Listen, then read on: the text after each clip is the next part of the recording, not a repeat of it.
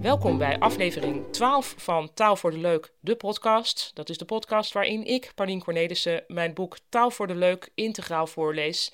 En integraal is eigenlijk bijna integraal, want er zijn een paar stukjes die echt alleen leesbaar, ja, stil, stil lezen, voor jezelf lezen.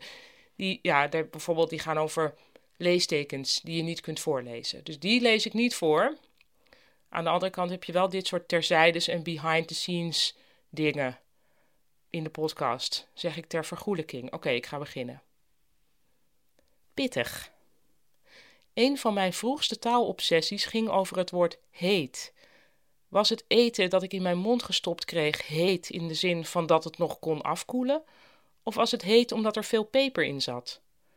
Als er duidelijkheid moest komen, dan kwam het woord pittig om de hoek kijken. Dat soort pittig klinkt heden ten dagen een beetje truttig. Ik zie een in mosgroen gehuld stel voor me dat per ongeluk in een Thais restaurant is terechtgekomen.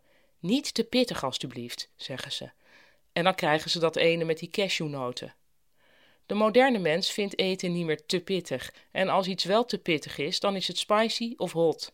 Pittig wordt nu ook breder gebruikt, zoals op deze manier. Ik heb het schuurtje helemaal opnieuw geschilderd. Nou, daar heb ik nog een pittige klus aan gehad.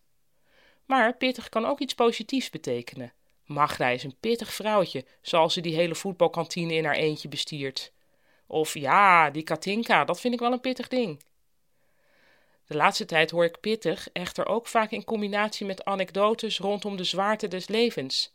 Ik had een romantisch weekendje weggepland, maar ergens halverwege liet Rogier weten dat hij het niet meer met me zag zitten, dus dat was nogal um, pittig. Ouders van kleine kinderen vinden ook veel pittig. Nou ja, we hebben het eerste jaar overleefd, zullen we maar zeggen, maar het was wel heel pittig. Je kunt afschuwelijke dingen pittig noemen om ze niet al te dramatisch te maken. De toehoorder moet er tenslotte ook nog wat mee. Als je in een gesprek na drie zinnen zegt: Het was het verschrikkelijkste weekend uit mijn leven, ontneem je de ander de mogelijkheid om te zeggen: Hé, hey, maar ik wilde het even kort houden, want ik moet nog naar de HEMA. Dat mensen pittig zeggen, doen ze om elkaar naar de HEMA te kunnen laten gaan. En dat is dus alleen maar sympathiek.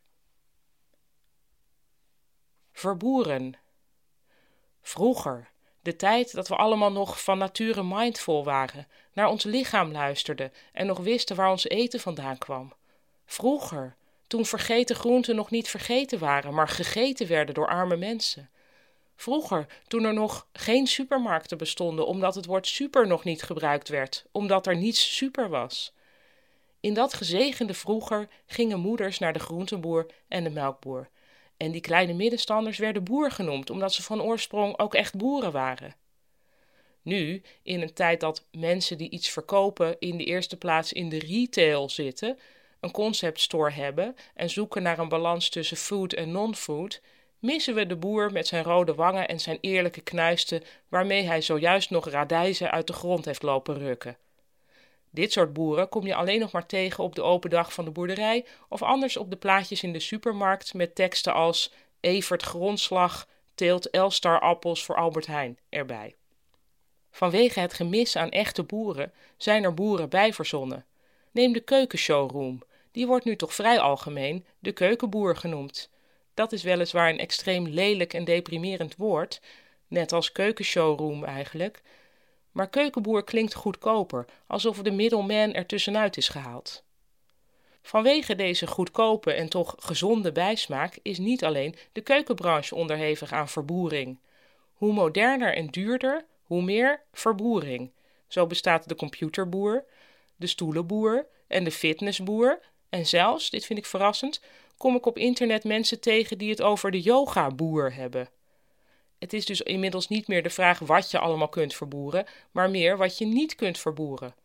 Ongeveer het enige wat mij lastig lijkt is koffieboer, omdat dat toch in de eerste plaats refereert aan iemand die daadwerkelijk koffiebonen verbouwt.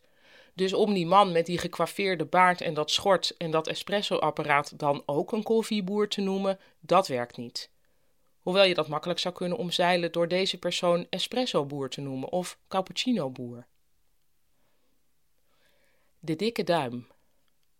Op de radio had iemand het over een leugen die aan het licht was gekomen. Ja, daar klopte niks van, dus die verhaaltjes mogen weer lekker terug de dikke duim in. Dat er van alles uit de dikke duimen wordt gezogen is tot daaraan toe, maar dat er nu ook weer dingen terug de duim in moeten? Nee. Hoe moet dat dan? Terugblazen. Hoe moet dat dan? Terugblazen? Het klinkt vies en gevaarlijk, alsof je er trombose van kunt krijgen. Grandeur. Ten tijde van de tweede feministische golf was er nog geen e-mail, anders had de golf zich vast uitgesproken over het volgende: de out-of-office reply. Het valt mij op dat vooral vrouwen die instellen. Bij een lange vakantie kan ik het me nog voorstellen, even laten weten dat je pas in september weer gaat antwoorden.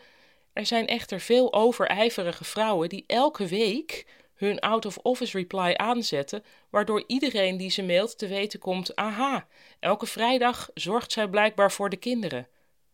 Mannen die één dag per week niet bereikbaar zijn, zijn meestal gewoon niet bereikbaar, dat merk je niet eens. De overijverige vrouw denkt dat ze door haar out-of-office reply laat weten dat ze heel serieus met haar werk bezig is, terwijl het effect juist is dat de lezer denkt dat deze vrouw weinig werkt. De les die we hieruit trekken is deze: niet alles maar willen vertellen of benoemen. Laat mensen het lekker zelf uitzoeken of niet. Ik moest hieraan denken toen ik een bericht las over de nieuwe Nederlandse vlag in de Tweede Kamer. Er was al een vlag neergezet, maar die leek op een cocktailprikker. In plaats van het ding weer weg te halen en het er nooit meer over te hebben, kwam er nu een tweede vlag, een grotere met meer grandeur. De standaard van deze vlag had een voet van perenhout en een mast van gepareld roestvrij staal. Zo werd dat bij de introductie van de grandeurvlag beschreven op de website van de Tweede Kamer. En van zo'n beschrijving denk ik dus: had er maar helemaal geen melding van gemaakt. Zet dat ding nou maar neer, met grandeur en al, want op deze manier gaan mensen juist denken: perenhout, wat 90s. Gepareld staal, buitengewoon ongepast voor een vlaggenmast. Sowieso heeft het gedetailleerd beschrijven van grandeur iets heel ongrandeurachtigs. De koning gaat toch ook niet zeggen: Kijk, dit is ons ontvangstzitje en het mooie is dat het borduursel van echt zijde is. Dat geeft net wat meer cachet, vinden wij. Echte grandeur is neerzetten, niet lullen. Nog echtere grandeur is niet eens iets neerzetten. Vieren. Veel mensen vinden Valentijnsdag een walgelijk exponent van de Amerikaanse consumptiecultuur, een commodificatie van de liefde en nog buitensluitend ook, want wat moet een alleengaande op Valentijnsdag? En daarbij, ik ga toch niet een kaart schrijven omdat de firma Hallmark vindt dat ik dat moet doen? Aan de andere kant is niet elke reden om iets leuks te doen voor degene van wie je houdt een goede, ook al is die opgedrongen? Rond Valentijnsdag zag ik overal in de stad affiches hangen waarop een meisje stond dat een doos Merci chocolaatjes kreeg. Ze keek heel blij. Mijn eerste reactie was: Oh, wat treurig. Dit zal ongeïnspireerde jongens aanzetten om inderdaad zo'n doos merci te gaan kopen. Misschien kopen ze die wel bij een tankstation samen met een bloemetje in cellofaan. De tweede gedachte was een afkeer van mezelf. Wie ben ik om te beoordelen uit wat voor hart die chocola komt? En wat maakt het uit dat die op een tankstation gekocht is? Er zijn hordes mensen die nooit eens iets leuks doen. En daar zit ik me toch ook niet aan te ergeren? Misschien heeft mijn afkeer van Valentijnsdag wel te maken met het feit dat er de laatste tijd al zoveel gevierd moet worden. Bijvoorbeeld het leven zelf. Wij vieren het leven. Je kunt dat een Bourgondisch vijftigerstel met een wijnvoorraad zo horen zeggen. Succes moet gevierd worden, vieren dat het even helemaal niet meer ging, maar dat je daardoor juist heel erg de prioriteiten op een rijtje hebt. En als je het te druk hebt met alles vieren, kun je ook de teugels laten vieren en de dingen laten komen zoals ze komen. En dat dan weer vieren. Moment. In de kiosk hing boven de boekentafel een bord met de tekst: Er is altijd een moment. Er waren hartjes omheen getekend. De tekst had een hoog waarheidsgehalte. Inderdaad is er altijd wel een moment. Tijd is een lange aaneenreiging van momenten, en als er geen momenten meer zijn, dan is er verder ook niets meer. Fijn dat het banale Valentijnsdag zo ineens iets diep filosofisch krijgt. Favoriet moment. Als de conducteur omroept goedemiddag en vervolgens vergeet wat hij ook alweer wilde zeggen. Het mooiste is als er na goedemiddag niets meer komt. Het goedemiddag blijft kilometers lang in de lucht hangen.